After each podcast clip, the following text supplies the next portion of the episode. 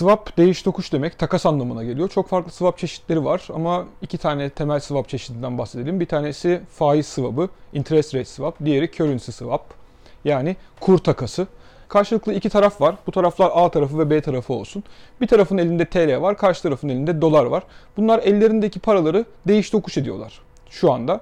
Vade geldiğinde de tekrar bunun ters işlemini yapıyorlar. Nasıl?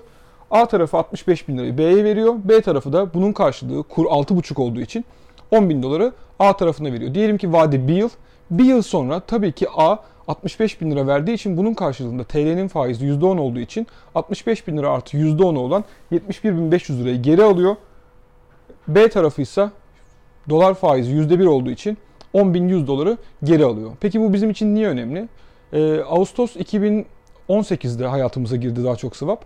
Şöyle o zaman TL'ye karşı bir spekülatif atak vardı. Bu da Londra'dan ya da yurt dışındaki e, yatırım bankalarından gelen TL'ye dolara olan Türkiye'deki talebi kısmak için gerçekleştirilen bir şeydi. Şöyle ki bankalar Türkiye'deki bankalar yabancılarla bu şekilde az önce anlattığım şekilde bir swap işlemi gerçekleştiriyorlar ve ellerindeki TL'yi verip karşılığında dolar alıyorlar. Dolayısıyla yabancıların ellerinde TL oluyor. Bu TL'leri işte o zaman gelip Türkiye'de tekrardan dolar almak suretiyle kullanıyorlar ve bu şekilde de doların TL'ye karşı fiyatını yükseltiyorlar düşüncesiyle bankaların yabancılarla yapacağı swap limitlerini kısıtlama gelmişti. Bu da öz sermayelerin %25'i %10'una kadar ancak swap işlemi gerçekleştirilebilirsiniz demişti. Bunu yaparak da ne yapıyorlar? Yabancıların Türkiye'ye karşı spekülatif ataklı TL'nin değer yitirmesine ilişkin çabalarını engellemiş oldu BDDK. Bunun dışında bir de e, swap'ın kullanım alanı şudur. Merkez Bankası bankalarla swap işlemleri gerçekleştiriyor. Ne yapıyor? Merkez Bankası'nın elindeki TL'yi bankalara veriyor.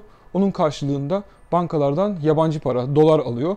Bu şekilde de piyasadaki döviz likiditesini, TL likiditesini ayarlamış oluyor. Bunu yaparken de aslında bir miktarda bu bankalardan aldığı dolarlarla kendi rezervlerini arttırmış oluyor. Hatta bu da bir tartışma konusu olmuştu. Merkez Bankası'nın rezervleri içindeki dolarların, yabancı paraların bir kısmı bankaların emanet parası diye.